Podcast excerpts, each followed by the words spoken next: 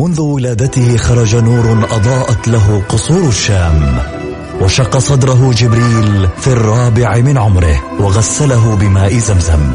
عاش حياته يتيما بلا أب وفقد أمه في عمر السادسة. وبوجوده ورسالته وأخلاقه تغير معه العالم وأصبحنا نسير على سراجه المنير. الآن السراج المنير مع فيصل الكاف على Mix FM. Mix FM هي كلها في ال mix. هي كلها في ال mix.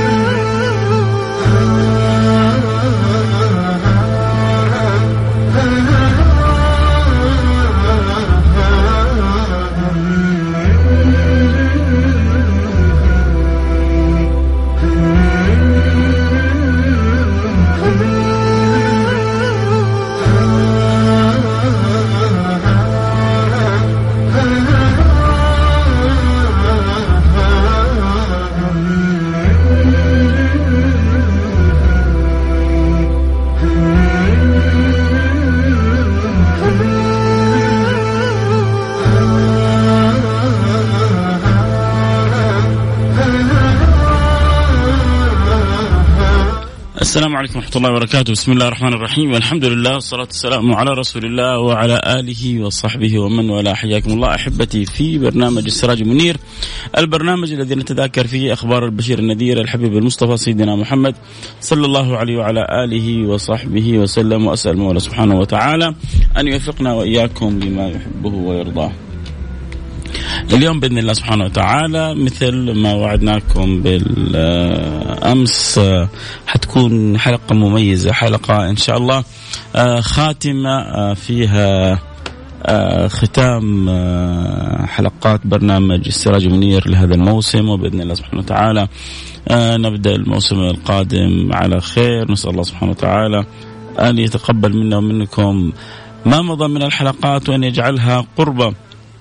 نتقرب بها إلى سيد السادات نبينا المصطفى صلى الله عليه وعلى آله وصحبه وسلم آه الحمد لله على ما يسر الحمد لله على ما أكرم الحمد لله على ما أنعم به واتم نسأل المولى سبحانه وتعالى أن يوفقنا وإياكم لما يحب ويرضى.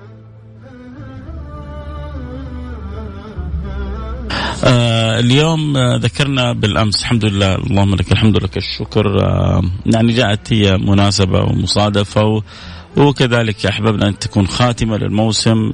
الحمد لله الذي يعني أكرمني ومن علي بفاطمة.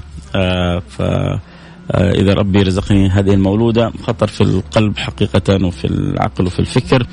أنه نختم برنامج السراج المنير بحلقة عن سيدتنا فاطمة الزهراء.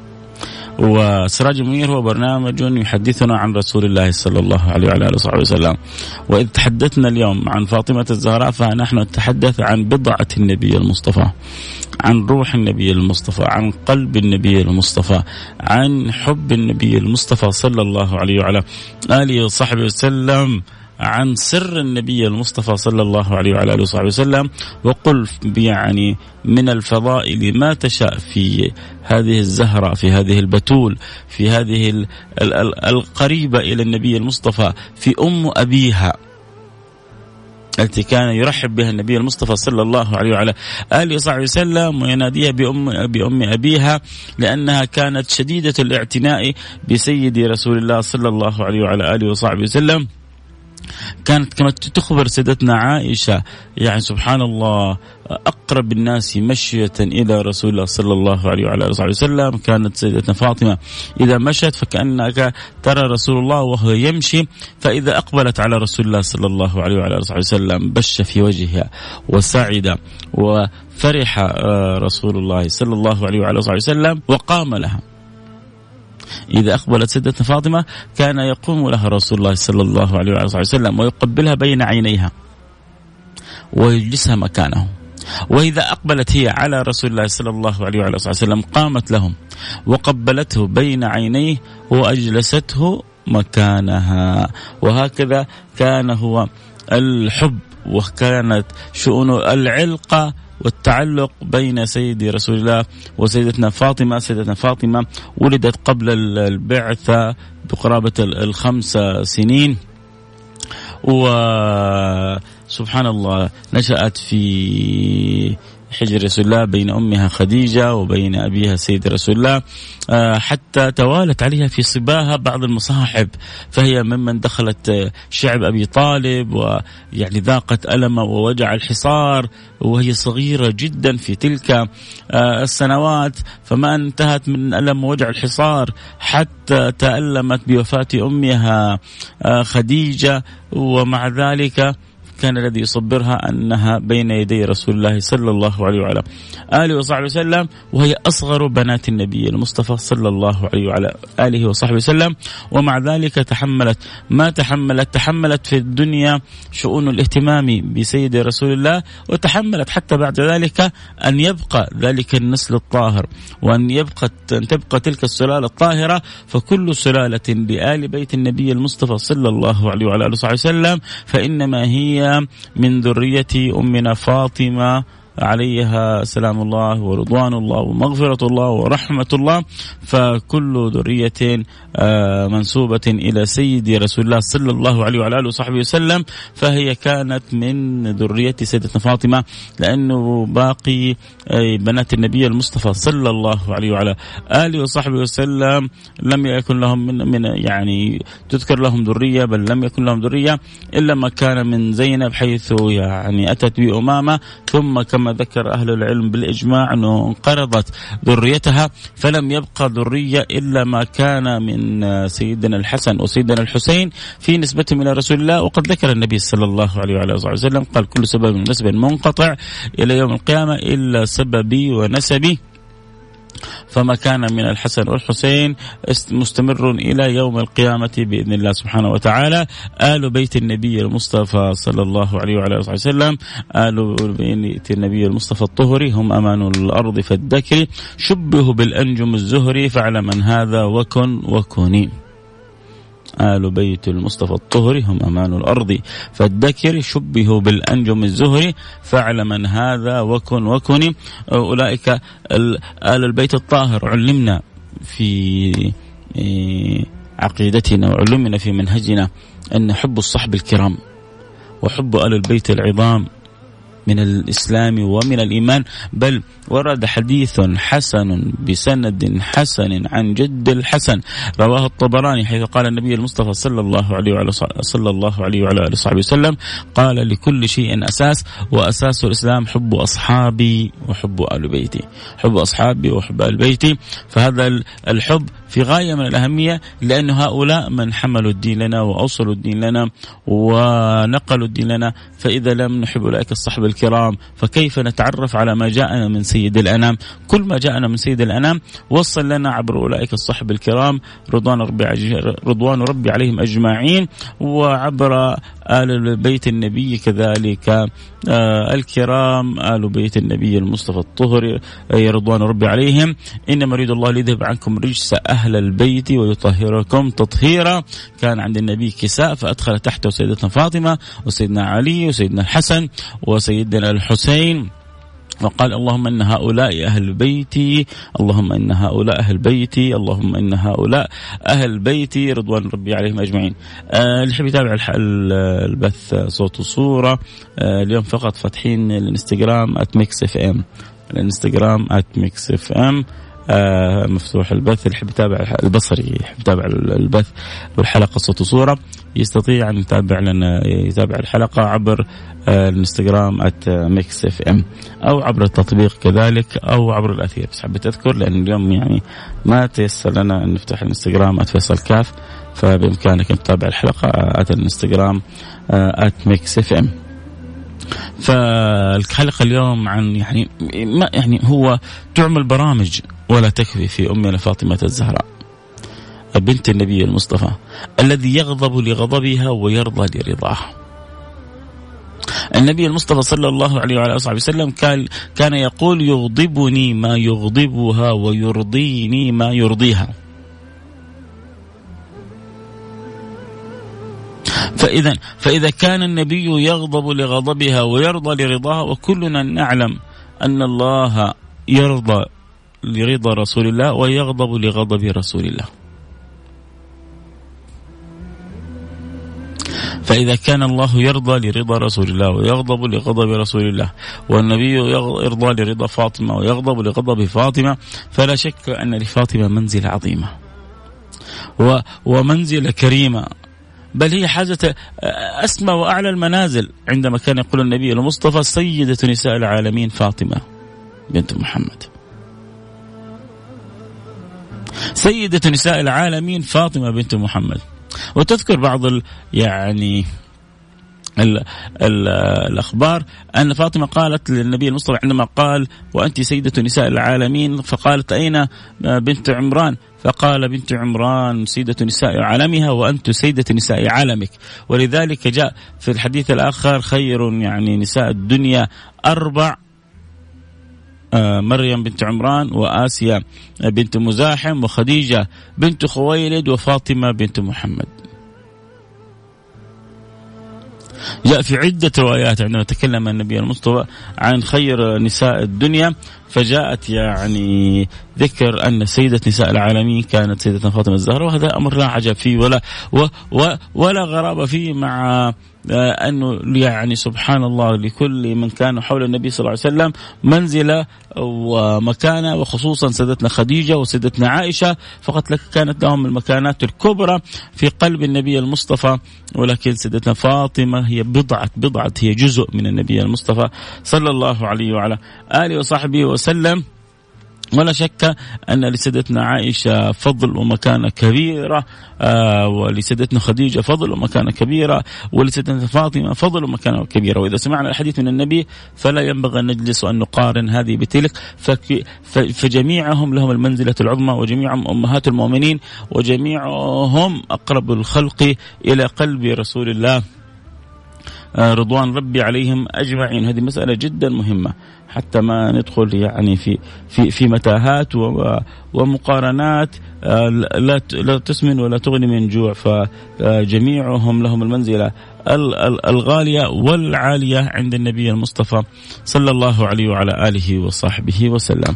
فاذا سيدتنا فاطمة قال فيها النبي المصطفى صلى الله عليه وعلى صحبه وسلم سيدة نساء العالمين و كان النبي صلى الله عليه وعلى صحبه وسلم يعتني بها اعتناء شديد. ويوم من الأيام كما جاء في الحديث الصحيح سمعت سيدتنا فاطمة إنه رسول الله صلى الله عليه وسلم جاء له يعني مجموعة من ال يعني الإماء والعبيد آه، الخدم كانوا عند رسول الله صلى الله عليه وسلم. وكان يؤثر الرحى في في يد سيدتنا فاطمة من كثر ما تعجن من كثر ما تطحن.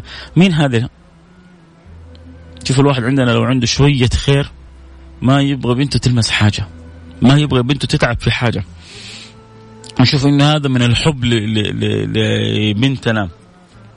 إنه لازم أخليها مدلعة مدللة. حتى إن بعض الأهالي بسبب كثرة دلالهم لبناتهم يفسدوا بناتهم. فلا البنت تصير عندها قدرة لتحمل مسؤولية ولا البنت عندها قدرة للقيام بأمور زوجها ولا البنت عندها قدرة فيدم فيدمر الآباء والأمهات حياة بناتهم من حيث لا يشعرون. عشان عندهم شوية فلوس أو عندهم شوية دراهم إنه لا لابد إحنا ما نخليها تتعب زي ما تعبنا وإنه لابد نخليها تكون مدللة ما في شيء نقصها أنتم كذا تفسدوها. لا الدلال حلو والدلع حلو لكنه في حدود. وأي شيء يزيد عن حده ينقلب إلى ضده. وهذه بنت أشرف الخلق. كانت تطحن الرحى حتى كان يؤثر في يديها. حتى كان يوجع لها جسدها. حتى كانوا يعلم في كفيها. فلما سمعت بذلك أشار لسيدنا علي أنها تطلب خادم من عند النبي. يعطيها أما يعطيها رقيق يعطيها حتى يعني تكون معينة لها في الخدمة. فالنبي صلى الله عليه وعلى آله وصحبه وسلم لفت أنظارهم إلى أمر آخر. عندما طلبت الخادم من النبي المصطفى قال ألا أعلمك ما هو خير من ذلك؟ الله. انت يا رسول الله أنا أطلب منك خادم تقول لي في خير من ذلك طبعا أبغى الخير. قال إذا أويت إلى الفراش فسبح الله 33 واحمديه 33 وكبريه 34 فذلك خير لك من خادم. مين اللي بيعلم هذا الكلام لأمنا فاطمة النبي صلى الله عليه وعلى آله وسلم؟ هو القادر على لو رفع يديه إلى السماء ألا ينزلها. وسيدتنا. سيدتنا فاطمة تعيش حياة المترفين ليسوا فقط المنعمين هو قادر أن يعطي بدل الخادم ألف خادم. لكن هو يريد أن يربيها. لكن هو يريد لها الخيرية. لكن هو يريد لها المنزله والرفعه العالية. لكن هو يريد لها المكانة. هذه بنت النبي. هذه بنت الحبيب المصطفى. لابد أن تكون على قدر المسؤولية لابد أن تكون على قدر التحمل. وبعدين زوجت من؟ تلك التزويجة العجيبة. ليش تزويجة عجيبة؟ تعرفوا ليه؟ لأنه سيدة فاطمة تقدم لها سيدنا أبو بكر. فلم يعني يجب رسول الله صلى الله عليه وسلم. ثم تقدم لها سيدنا عمر. ولم يجب رسول الله. فسيدنا أبو بكر وسيدنا عمر عرفوا إنه سيدنا عثمان متزوج بنات النبي. تزوج رقية وتزوج أم كلثوم والنبي قالوا لو كان عندي ثالثة لأعطيتك إياها لأنه توفت الأولى ثم توفت الثانية. قالوا لو عندي ثالثة النبي حأعطيك إياها. فسيدنا عثمان متزوج بنت النبي. سيدنا أبو بكر سيدنا عمر النبي صلى الله عليه وعلى آله وسلم لم يجبهم إلى ما طلبوا. إذا قالوا النبي يريد سيدنا علي. فراحوا لسيدنا علي وألحوا عليه أن يتقدم لطلب يد فاطمة. وسيدنا علي لم يكن معه حتى ما يجعله صداق فكيف يذهب؟ فلما لحوا عليه ذهب على استحياء. فلما كلم رسول الله وإذا برسول الله كان ينتظر سيدنا علي أن يتقدم لسيدتنا فاطمة. واستحسن علي وقال له يعني إن ليس معي شيء حتى أعطيها إياه الله. يا جماعة إحنا نكلمكم عن أشرف الناس. وعن أشرف الخلق. وعن الناس اللي ما أحب رب العالمين مثلهم. صفة صفة صفة الخلق على الإطلاق. النبي وأصحابه. النبي وأحبابه. وهؤلاء صفة الخلق على الإطلاق. اللي يحبهم من بيده الخزائن ينظر إليهم وهو يعلم بحالهم وهو تاركهم هكذا. ألم يكن بقدرة الله أن يجعلهم يناموا فوق تلال من الذهب؟ أن لم يكن في قدرة الله أن يعطيهم حتى يغنيهم من صنوف العطايا والهدايا والإكرامات والخيرات والبركات. الله قادر أن يجعلهم يسيروا على أودية من ذهب.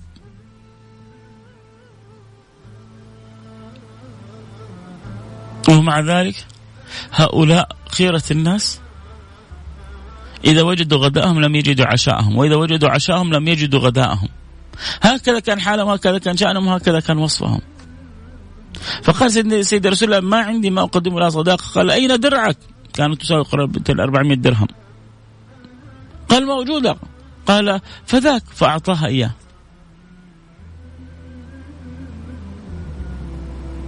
فأعطى لها ذلك يعني الشيء البسيط. ومع ذلك ما قال النبي أنا قدر بنتي درع.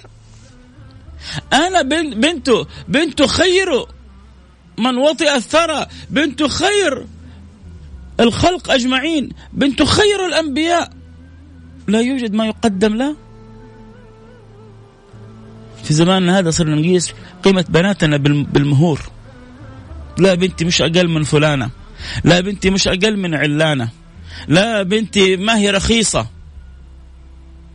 وليش سيدتنا فاطمة كانت رخيصة لما يأتي لها شاب ليس عنده ما يقدمه صداق ويقبل به رسول الله؟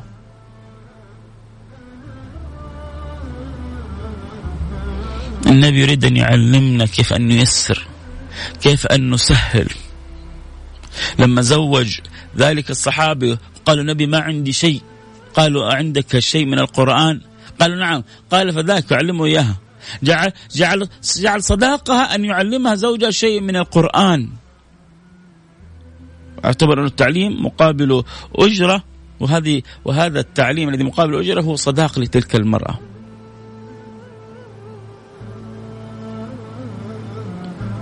ما أجملك يا رسول الله؟ وما أجملك يا سيدنا علي؟ وما أجملك يا أمي فاطمة؟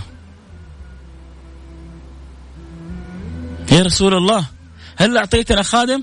أعطيك ما هو خير لك من الخادم. ما هو؟ إذا أويت إلى الفراش فسبح الله وكبر احمد الله وكبر الله. الأولى 33 والثانية 33 والأخيرة 34 فذلك خير لك من خادم. فقهت المسألة وأدركت المهمة ورجعت بخيري الدنيا والآخرة. هي راح تطلب مطلب من طلبات الدنيا ورجعت بخيري الدنيا والآخرة. ومع ذلك استمرت. وكان سيدنا علي يقول أنا أكفيها خارجا وهي تكفيني داخلا. أنا أكفيها خارجا وهي تكفيني داخلا. مقسمين المهمات بينهم ما, ما, ما أجملهم ما ما ألطفهم ما, ما, ما أحلاهم سيدنا علي وسيدتنا فاطمة. وأخرجوا تلك النسمات المباركة. الحسن والحسين حتى إن الله سبحانه وتعالى أرسل للنبي ملك لم يره قبل ذلك. فقال إن الله أرسل لي ملكا لم أره قبل ذلك يبشرني بأن فاطمة سيدة نساء العالمين وأن الحسن والحسين سيدا شباب أهل الجنة.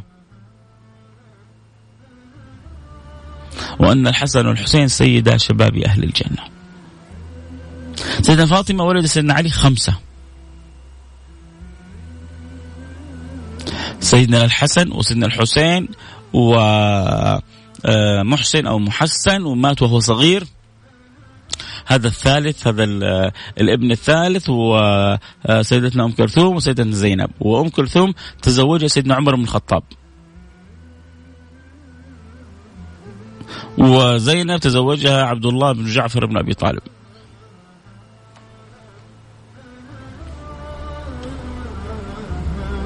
ولدت له ولدين. وسيدنا عمر ما كان في حاجة لام كلثوم لكن أراد ان ان أن يرتبط بهذا النسب الطاهر بنسب آل بيت رسول الله صلى الله عليه وسلم. فكان كل همه أن يكون له صلة ووصلة بالانتساب إلى هذا البيت الجميل. ولذلك حرص. ومن حب سيدنا علي لسيدنا عمر أن زوجه بنته. فكيف من يدعي حب سيدنا علي ولا يحب سيدنا أبو بكر وسيدنا عمر؟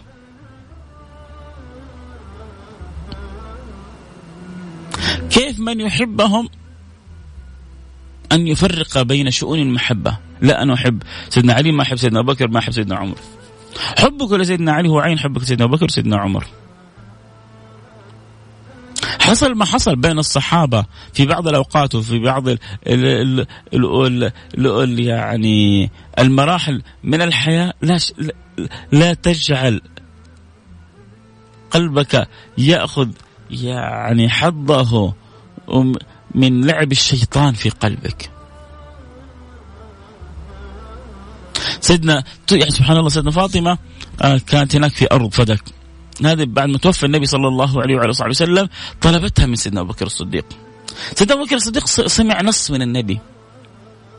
إنه نحن معاشر الأنبياء. لا نورث. لا نرث ولا نورث. فلما طلبت سيدتنا فاطمة هذا الأرض من سيدنا أبو بكر وسيدنا أبو بكر سمع نص من النبي صلى الله عليه وعلى صحبه وسلم. اعتذر لها بلطف وقال لها يعني نعطيك ما يكفيك. إيه اللي تبغيه من بيت مال المسلمين بين يديك؟ لكن هو يريد أن يطبق ما علمه يا رسول الله. فتأثرت سيدنا فاطمة من هذا الأمر. فتاثرت سيدنا فاطمة. فما هي يعني عندما سمع بمرضها التي توفت من سيدنا فاطمة سيدنا أبو بكر. ما ما طاب له الحال إلا أن يأتي. وأتى بنفسه قاصد بيت سيدنا علي بن أبي طالب. وطلب من سيدنا علي أن يستأذن له على فاطمة. وذهب سيدنا علي لسيدنا فاطمة وقال لها إن أبو بكر يستأذنك يريد أن يتحدث معك. وشوفوا كيف أدب سيدنا فاطمة فقالت أتأذن له يا علي؟ تستأذن من زوجها. وهنا قال الطبري يتكلم أهل العلم كيف أدب المرأة انها ما تدخل بيت زوجها إلا من أذن له زوجها. هذه الآداب ضاعت في الزمن هذا في في عدد من البيوت. هذه الأخلاق المحمدية ضاعت في عدد من البيوت. نتعلم من هذه المدرسة نتعلم من هذه الأمة العظيمة نتعلم من سيد, سيد أنت إن شاء الله من أهل الجنة سيدتك يوم القيامة فاطمة الزهراء سيدة نساء العالمين. تعلمي من أخبارها من سيرتها. تأملي في قصة سيدنا فاطمة. تأملي في قصة سيدتنا عائشة. تأملي في قصة سيدنا خديجة. تأملي في قصة أولئك العظام أمهات المؤمنين قدواتنا اللي نتعلم ونتمنى بناتنا يصيروا زيهم. تجي في الزمن هذا آه لا لا ما أبغى أسمي بنتي فاطمة ما أبغى أسمي بنتي عائشه أسماء قديمة دقة قديمة دقة قديمة. بكرة تقولي لي محمد دقة قديمة وش تبغين؟ تحصل البنات اللي طالعين في الزمن هذا لا لا ما نبغى الأسماء القديمة هذه. هذه الأسماء اللي فيها كل العز كل الشرف. بكرة لما بنتك تسميها بهذه الأسماء تفرح. وتسعد تقرأ في التاريخ كل إنه من اسمه نصيب. كل لهم من اسمه نصيب تبغي أنت بنتك نصيبها اللي يصيبها من أي اسم. شوفي كيف لما تسمي بنتك فاطمة ولا خديجة ولا عائشة ولا زينب. كم تكرر اسم زينب؟ النبي عنده بنت اسمها زينب. سيدنا علي بن طالب عنده بنت اسمها زينب. النبي تزوج زينبان. زينب بنت خزيمة وزينب بنت جحش. وعنده زينب أم أمامة. وسيدنا علي بن أبي طالب عنده زينب. كانوا تسميها يسموها المصر أم هاشم. حي السيدة زينب في مصر. على على من هذا؟ على زينب بنت سيدنا علي بن أبي طالب أخت سيدنا الحسين.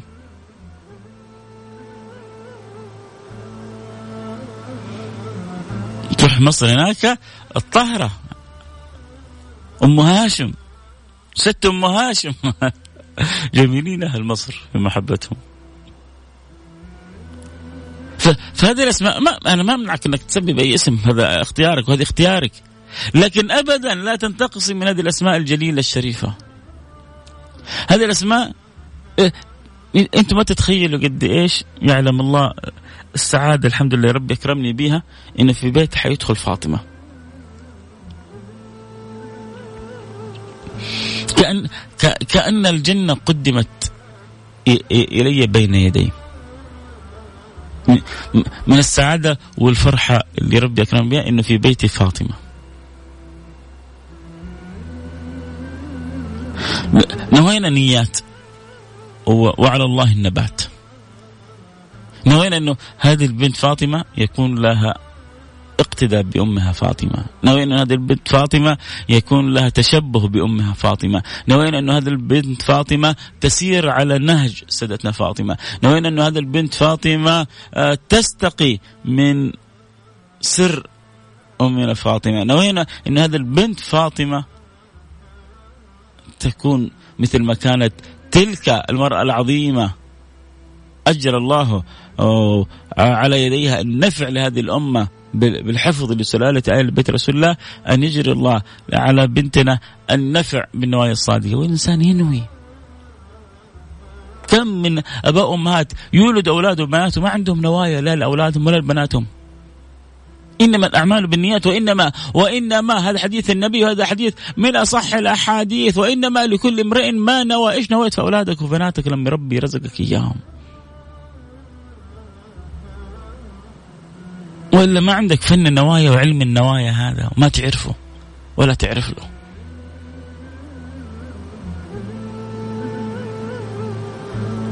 فلما ربي يكرمك بجنة معجلة. ربي يكرمك بعطاء وبفضل. كيف تشكر الله سبحانه وتعالى على نعمه؟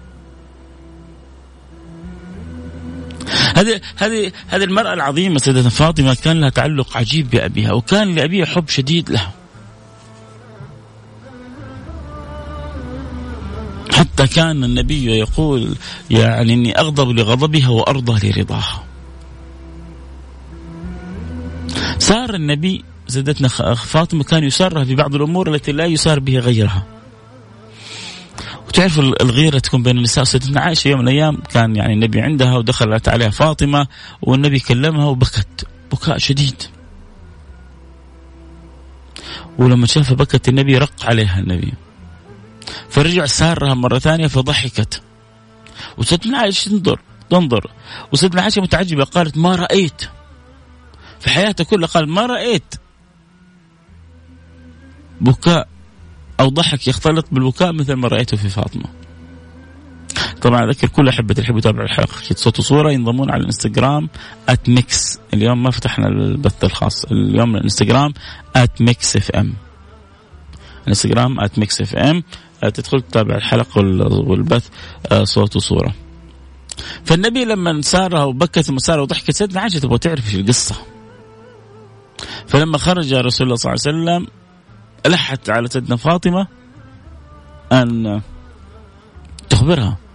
عمري كان بتقول لا عمري ما رأيت آه، آه، بكى يختلط بالضحك وضحك يختلط بالبكاء مثل ما رأيته منك. إيش الخبر؟ إيش القصة؟ قالت ما كنت لأفشي سر رسول الله. النبي لو بيقول لكم كان قال لكم. طب هو ليش سارني؟ معناه إنه ما يبغى غير يسمع ما يبغى غير يعرف. فقالت ما كنت لأفشي سر رسول الله وهو حي. أخذت الكلمة هذه سيدنا عائشة. طيب ما دام هو حي طيب. بعد ما توفى النبي صلى الله عليه وسلم القصة والمسألة لسه بتدور في عقل سيدتنا عائشة. رجعت سيدنا فاطمة قالت لها ما خبر وألحت عليها. فلما لحت عليها أخبرتها أن النبي أخبرها أنه جبريل كان يعني يدارس القرآن في كل رمضان مرة. وهذه السنة مرتين. قال وما أرى ذلك إلا أنه اقتراب أجلي. فلما قال ما أرى يعني ذلك إلا اقتراب أجلي بكت سيدة فاطمة. تبغى تقول يعني آه وكأنه هذه إشارة إلى انه خلاص قرب أجل رسول الله صلى الله عليه وسلم قرب وفاة النبي فسيدنا رسول الله بمهد سيدنا فاطمة. سيدنا فاطمة من يوم سمعت تعرف عد البنت عاطفية. البنت عاطفية. ما سمعت هذا الكلام إلا وبكت سيدتنا فاطمة. بكاء شديد. حتى رق لها رسول الله. أحد عمركم يا جماعة يفرح بالموت؟ سيدنا فاطمة فرحت بالموت. وضحك وضحكت وتهلل وجهها ليه؟ لما أخبرها بذلك رسول الله وأخبرها أنها بعد ذلك أول أهلها لحوقا به ضحكت فرحت استبشرت. كنت قبل شوية تبكين. أيوه لكن أنا حكون أقرب الناس لصحبة سيدي رسول الله في في الجنة ضحكت. قال لما أرى إلا ذلك اقترب أجلي بكت. ولما بكت واشتد بكاءها رق على عليها النبي فقال وأنت أول أهل لحوقا بي ضحكت. ما تعدت ستة شهور. أقل من ستة شهور بين وفاة رسول الله وبين وفاة سيدتنا فاطمة الزهراء. معنى ترى ماتت وهي صغيرة. وعلى أقصى الروايات عمره كان 29 سنة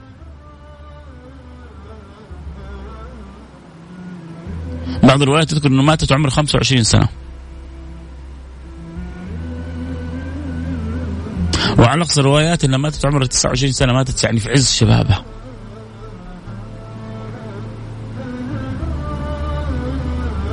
وفي حديث بعضهم يذكره ما ينتبه إلى إلى عظمة سيدة فاطمة في قلب النبي المصطفى. عندما قال يعني إني لا أغني عنكم من الله شيئا. لو يعني إنما أهلك من كان قبلكم إذا سرق فيهم الشريف تركوه إذا سرق الوضيع يعني أقاموا عليه الحد. ثم أخبر بعد ذلك إنه لو يعني سرقت فاطمة بنت محمد. قطعت يده.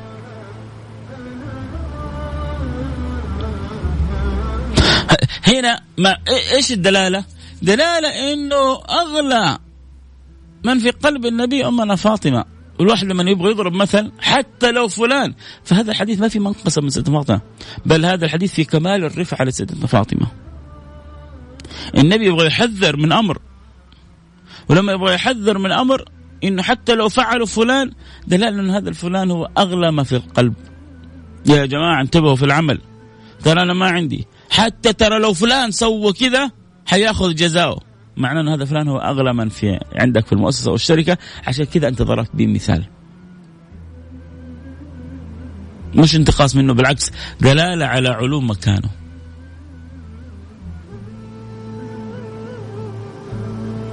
دلالة على علو المكان. فلما كان في قلب النبي من مكانة وعلو منزلة سيدنا فاطمة ضرب بها المثل.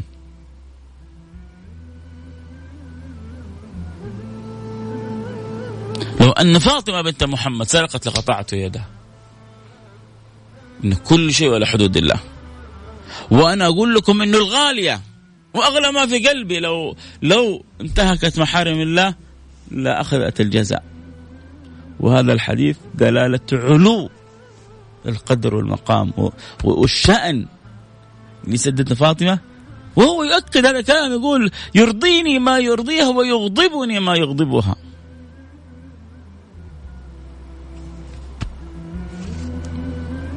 يرضيني ما يرضيها ويغضبني ما يغضبها. سيدنا فاطمة لما توفى النبي صلى الله عليه وسلم توفى الله ورسوله استعجبت كيف جالسة بتقول لسيدنا أنس كيف طاب لكم أن تحثوا التراب على قبر رسول الله؟ كيف قدرتوا تكبوا التراب على قبر النبي محمد صلى الله عليه وسلم؟ سيدنا أنس بكى بكاء شديد. لأنه قال وكأنما أخذنا في سكرة وهذا من لطف الله بهم. وهذا من لطف الله بأصحاب النبي كأنما أخذوا في سكرة وإلا لو كانوا في كمال عقولهم لما طاقوا أن يفعلوا ذلك لما قدروا أن يفعلوا ذلك. لكن الأمر عظيم وصعب. لذلك كانت تقول هي ما على من شم تربة أحمد ألا يشم مدى الزمان غواليا. ما على من شم تربة أحمد ألا يشم مدى الزمان غواليا. لقد صبت علي مصائب لو أنها صبت على الأيام عدنا لياليا. الله على التشبيه. الله على التشبيه. هي هي بليغة. فهي بنت البليغ. وهي عظيمة بنت العظيم. وهي كريمة بنت الكريم.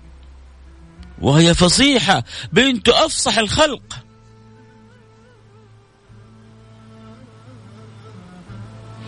أفصح الخلق على الإطلاق وخير من نطق الضاد.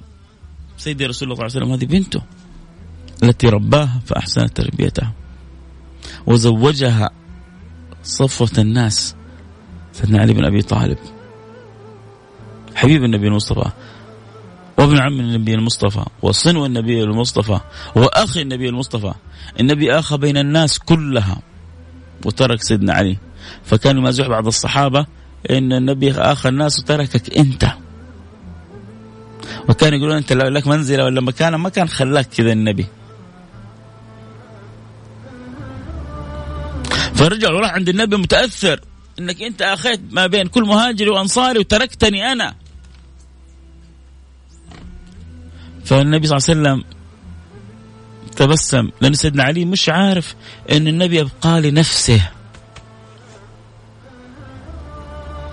إن النبي أراد أن يؤاخي بينه وبين سيدنا علي بن أبي طالب.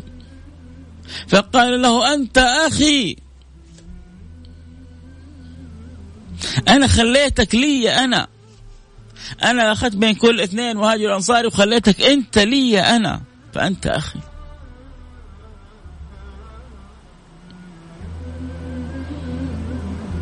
ما أجمل الكلام عنهم ما أجمل الكلام في أخبارهم ما أجمل التأمل في سيرهم.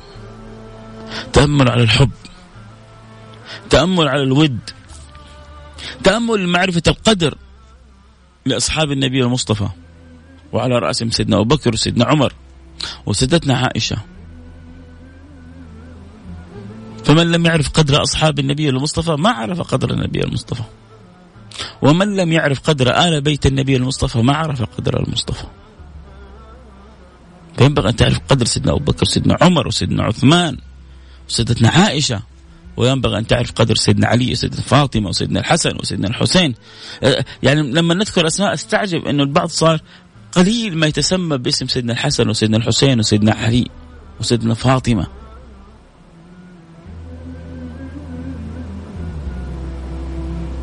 البيوت كانت تعج بهذه الأسماء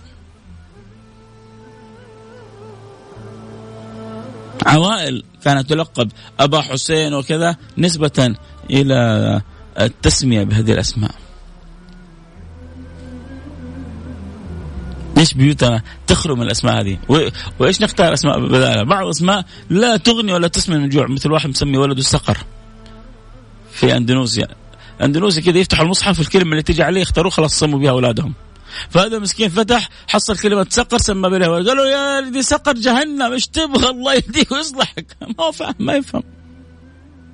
فتح على القرآن جت يعني اختيار على الكلمة وقعت على سقر سمى ولده سقر.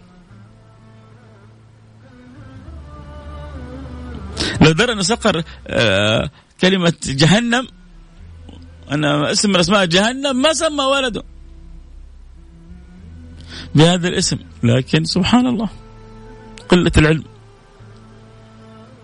نحتاج في تفرح في بيتك علي في بيتك حمزة في بيتك آه، آه، خالد في بيتك آه، بكر عمر عثمان. يا سلام على تلك الأسماء. سعد.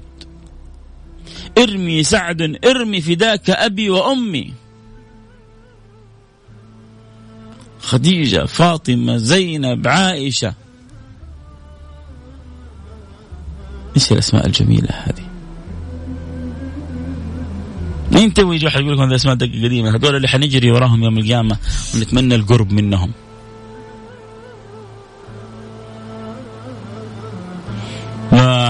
حندور يوم القيامة واحدة اسمها مارلين ولا مارجيتا ولا توريتا ولا حركتا ولا بوريتا ولا ما في الموافقات ما في إلا يعني بحث عن فاطمة عن عائشة عن خديجة. يبغوا يكونوا معاهم يبغوا يكونوا قريبين منهم.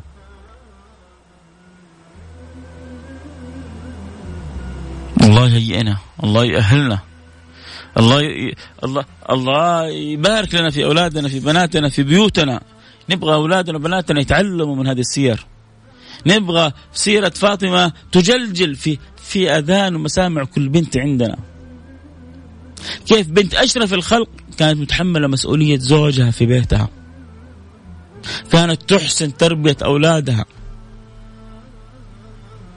ومع هذا كله كانت قائمة بأبيها. حتى أن النبي عندما تقبل عليه يقول مرحبا بأم أبيها يرحب بها بأم أبيها. ما هي مقصرة مع زوجها مو مقصرة مع أبوها مو مقصرة مع أولادها. يحبها النبي ويلاطفها النبي وإذا يعني أقبلت عليه أخذ بخاطرها النبي وقام له وقبلها بين عينيها وأجلسها مكانه من شدة الحب. لكن هذا كله مو معناه نخليها تتخلى عن مسؤولياتها أو لا تقوم بواجباتها أو لا تدرك مهمتها في الحياة.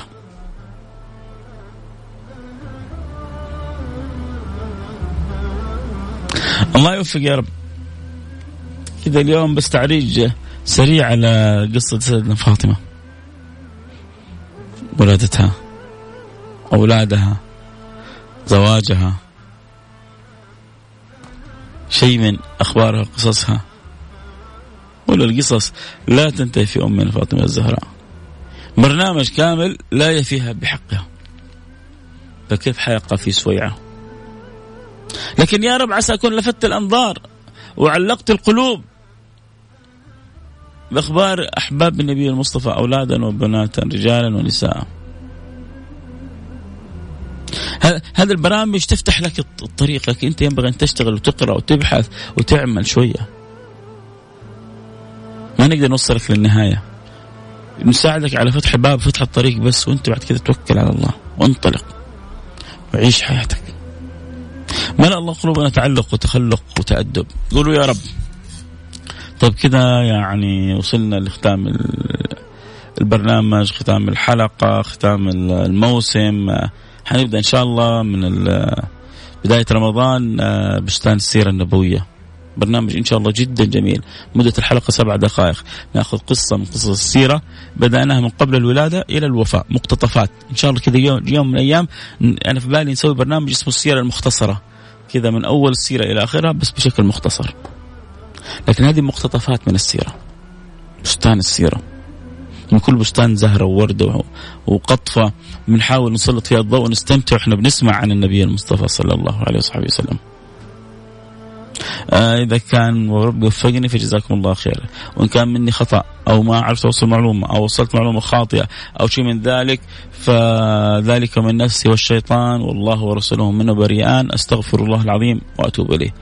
أمامكم جميعا نشهدكم أني أستغفر الله من كل ما جناه وجنته يداي ويعني إيه، قدماي وحركاتي وسكناتي أستغفر الله العظيم وأتوب إليه أسأل الله أن يغفر لي ويغفر لكم ويغفر لجميع المسلمين. طيب آه، خلاص طالما هي آخر حلقة وبعد فترة آه حنتواصل فلا بأس إن استمتع بقراءة أسماءكم. وأنتم بتكتبوا لا تحرموني كمان كذا من دعوة للبنيه فاطمة. فربي أكرمني قبل أمس بفاطمة. واليوم يعني الحلقة كلها فرحا بأن الله أكرمني فاطمة. فقلنا والبرنامج سراج منير عن النبي فنتكلم عن بأغلى آه، بنت في قلبه سيدة نساء العالمين سيدتنا فاطمة. فتكلمنا اليوم شوي عن سيدتنا فاطمة. ما وفينا حقها ولا فضلها ولا قدرها لكن شيء بسيط سلطنا في الضوء على أمنا فاطمة. فاللي يحب نقرا اسمه وما في بأس يقول مبروك على المولودة ويدعو لفاطمة بدعوة. المهم عندي اسمك ومدينتك. ارسل لي على الواتساب على رقم 054 ثمانية ثمانية واحد واحد سبعة صفر صفر. صفر خمسة أربعة ثمانية ثمانين أحد عشر سبعمية. أو حتى على الانستغرام @Mix FM @Mix FM مش فيصل.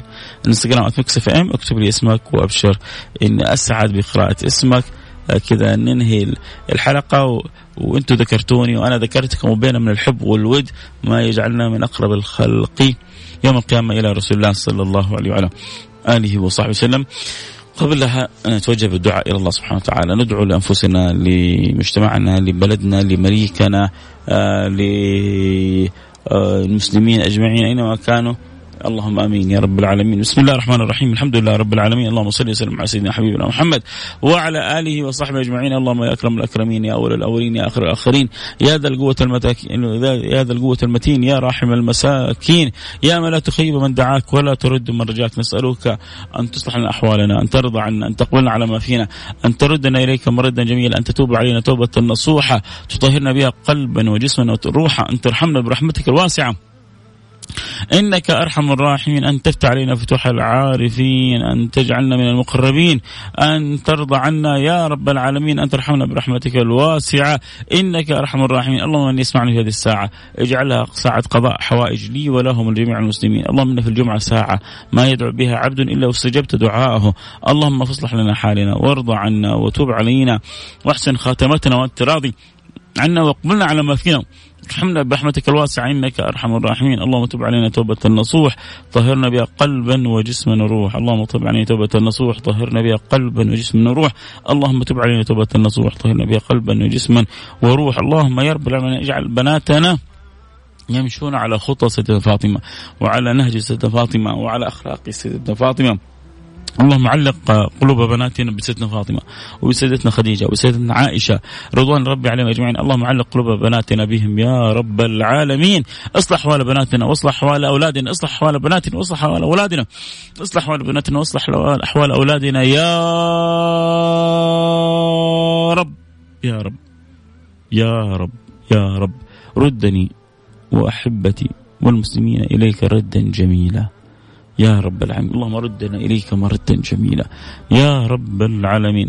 اللهم نسألك وأنت الأكرم أنت الذي يدخل من دعاك وترد من رجاك. نسألك أن تبارك لنا في خادم الحرمين الشريفين تعطيه الصحة والقوة والعافية وتقر عينه في ولي عهده وابنه وحبيبه. اللهم اجعله خير معين له على البر والتقوى على الطاعة على خدمة ما فيه الخدمة والخير للعباد والبلاد. يا رب العالمين وفقهم لكل خير واصرف عنهم كل شر. وكل ضير وكن معينا لهم في كل ما يحبونه في خير هذه البلاد خاصة والبلاد والأمة عامة. يا رب العالمين. اللهم نسألك يا أكرم الأكرمين أن تحفظ بلادنا ومملكتنا من كل سوء من كل مكروه.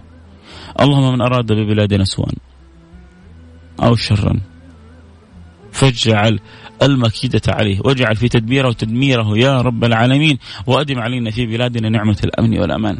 واجعلنا لك شاكرين وبأمرك قائمين. ولنهج حبيبك ناشرين في خير ولطف وعافية. اللهم آمين يا رب العالمين. اللهم ارحمنا برحمتك الواسعة إنك أرحم الراحمين. اللهم نسألك يا رب العالمين. ومن في هذا الساعة يسمع ولو حاجة في قلبه. يا قاضي الحاجات اقضي حاجات إخواني وأحبتي. يا قاضي الحاجات اقضي حاجاتهم. وسع لهم في أرزاقهم واقضي عنهم ديونهم واشفهم من جميع أمراضهم. وسع لنا في أرزاقنا واقضي عنا ديوننا واشفنا من جميع أمراضنا واصلح لنا أحوالنا الظاهرة والباطنة يا رب العالمين. اللهم من وليته أمر المسلمين اللهم اصلح الراعي والرعية واصلح الأمة المحمدية واصلح الأمة النبي المصطفى واجعلها كما تحب وترضى وارحمنا وارحمهم برحمتك الواسعة إنك أرحم الراحمين إنك أرحم الراحمين إنك أرحم الراحمين. اللهم نسألك لي ولأحبتي ولسائر المسلمين حسن الخاتمة وأن تجعل آخر كلامنا من الدنيا لا إله إلا الله محمد رسول الله صلى الله عليه وعلى اله وصحبه وسلم. اللهم مقبل على شهر رمضان.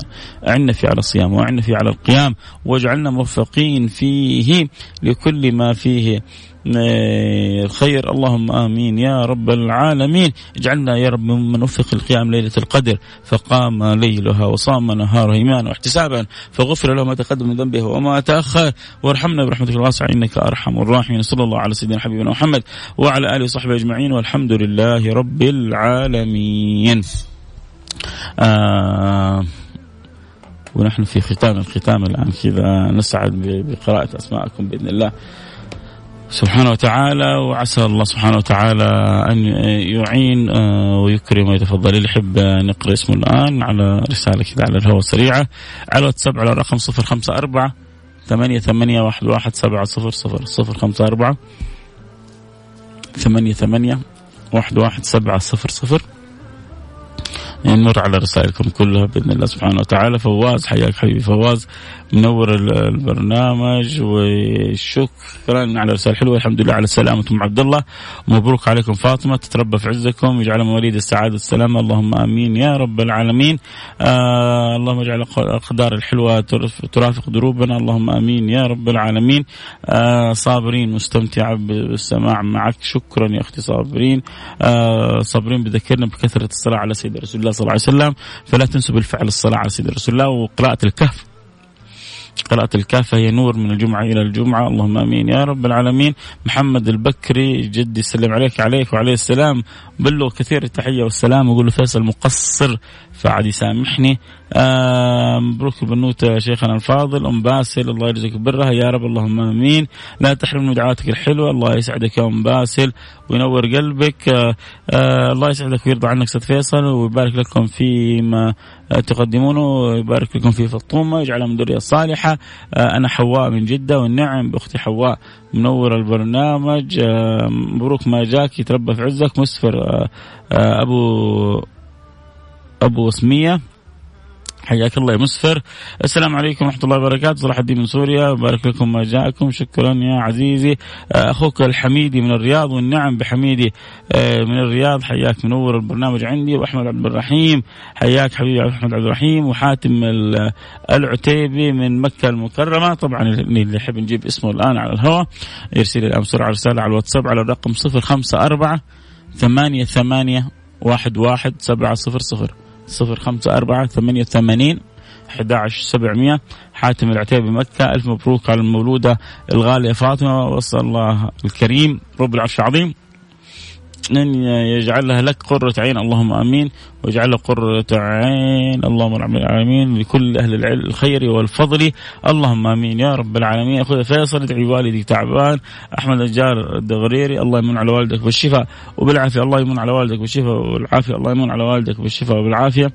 آه يا رب اجعلها من البرين اللهم آمين. السلام عليكم منيرة.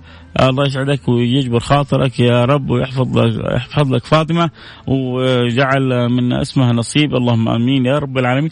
شكرا أختي منيرة على هذه الرسالة الجميلة.